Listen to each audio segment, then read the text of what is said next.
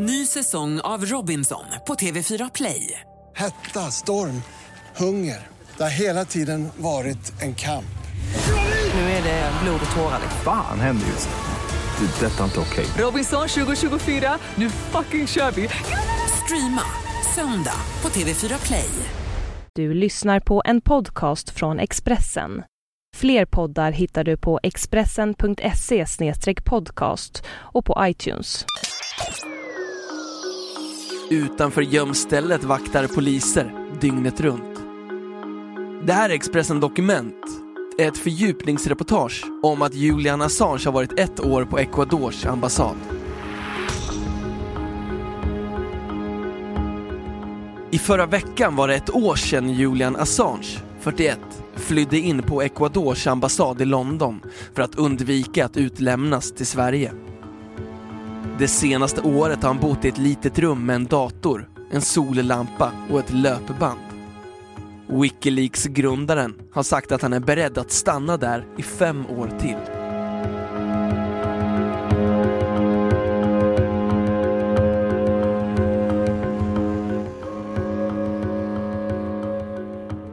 Han bor i ett litet kombinerat sovrum och arbetsrum på Ecuadors ambassad i London. Ambassaden ligger på nedervåningen i ett vanligt bostadshus, precis bakom det exklusiva varuhuset Harrods i det fashionabla området Knightsbridge. På ett år har Julian Assange inte lämnat ambassaden en enda gång. Går han utanför Ecuadors mark kommer han att gripas direkt av poliserna som dygnet runt är stationerade utanför. Bakgrunden är välkänd vid det här laget. Julian Assange blev en världskändis som talesperson för Wikileaks när de kunde publicera flera hemliga dokument, framförallt om USAs inblandning i krigen i Irak och Afghanistan.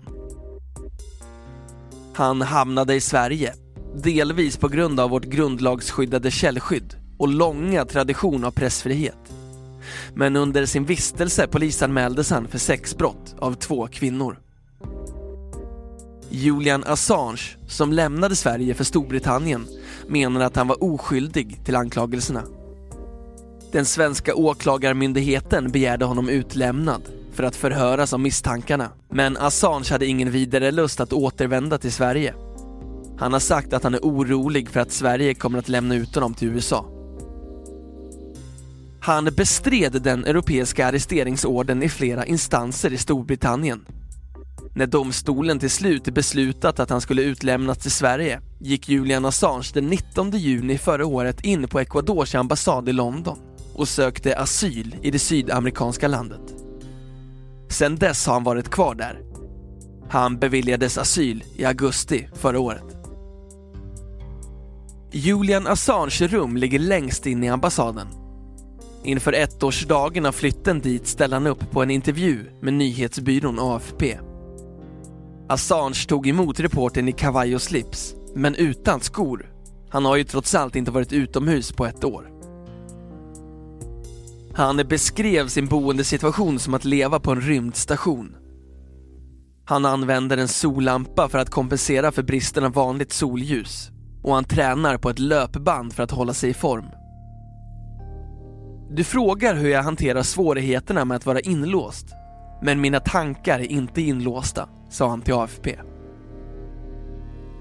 I augusti förra året, efter två månader på ambassaden, höll han ett tal från balkongen. Då tackade han sina anhängare som stöttat honom. Vid jul förra året, när han suttit ett halvår på ambassaden, gjorde han ett nytt balkongtal där han bland annat sa att han trots allt hade det bättre än alla journalister som sitter inspärrade.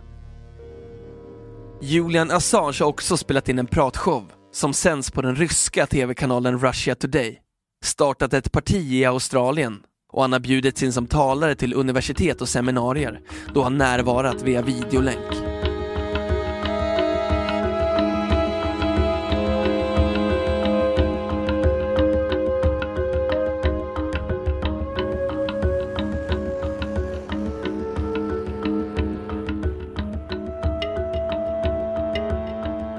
Ecuadors utrikesminister besökte honom nyligen på ambassaden. Assange och ministern öppnade ett av ambassadens fönster och visade den samlade pressen och Assange-anhängarna utanför hur de skakade hand och vinkade. Kvällen blev sen för de båda. De satt uppe till fyra på morgonen och pratade. Den italiensk-argentinska sångaren Piero var också inbjuden.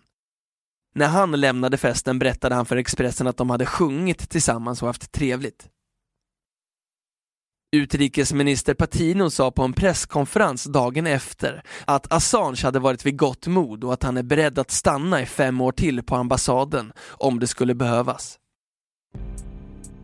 Det senaste året har ett antal Assange-anhängare demonstrerat utanför ambassaden, nästan dagligen, för att visa sitt stöd. Jim Curran, 66, är en av dem som har tillbringat en stor del av det senaste året utanför ambassaden. När Expressen träffar honom har han med sig en tjock bunt med papper som bland annat innehåller den brittiska högsta domstolens beslut att utlämna Assange till Sverige. Bunten är tummad och det är tydligt att han har läst igenom papperna många gånger. Jag var närvarande varje dag under domstolsförhandlingarna, säger han till Expressen och fortsätter. Sverige är ett modernt land och ni har tidigare förhört folk utanför landets gränser. Så jag förstår inte varför ni inte kan komma till ambassaden och förhöra Assange där. Sverige får ett dåligt rykte av hela den här historien.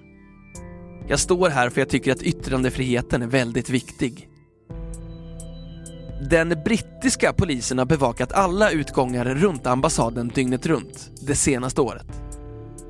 I februari uppskattade Scotland Yard att insatsen kostade de brittiska skattebetalarna runt 30 miljoner kronor. Sedan dess har åtskilliga miljoner tillkommit. När Expressen pratar med en av poliserna som står positionerad utanför är det tydligt att de är trötta på hela historien. Jag hoppas att han kommer gå ut här inom kort. Men jag tror inte att han kommer lämna ambassaden om det inte står massa fotografer utanför, säger polismannen som vill vara anonym. Han fortsätter. Egentligen är det inte så farligt att stå här. Det är lugnt. Det är ett fint område och det går förbi mycket trevliga människor. Efter ett år har intresset för Julian Assange svalnat något. Det var länge sedan Wikileaks släppte några större nyheter. Den dagliga stöddemonstrationen utanför ambassaden drar mindre folk och bland de som kommer är medelåldern hög. Många frågar sig hur Wikileaks-grundaren står ut i isoleringen inne på ambassaden. I intervjun med AFP fick han frågan om när han inte orkar längre och när han kommer att ge upp. När jag har fått nog? Det vet jag inte. Det är svårt att säga. Just nu gör vi så mycket bra arbete, svarade han.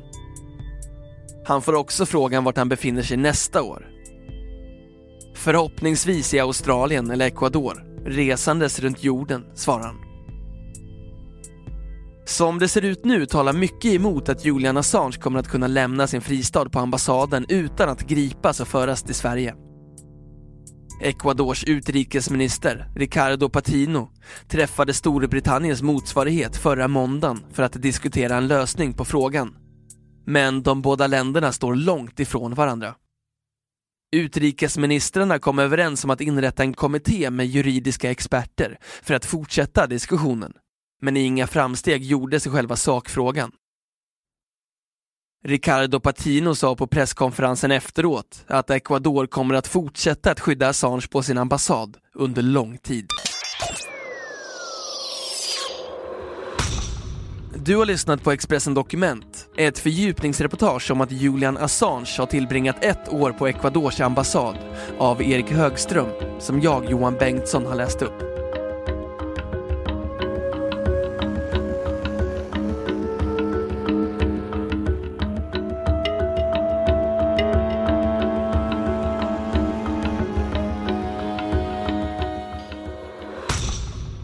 Du har lyssnat på en podcast från Expressen.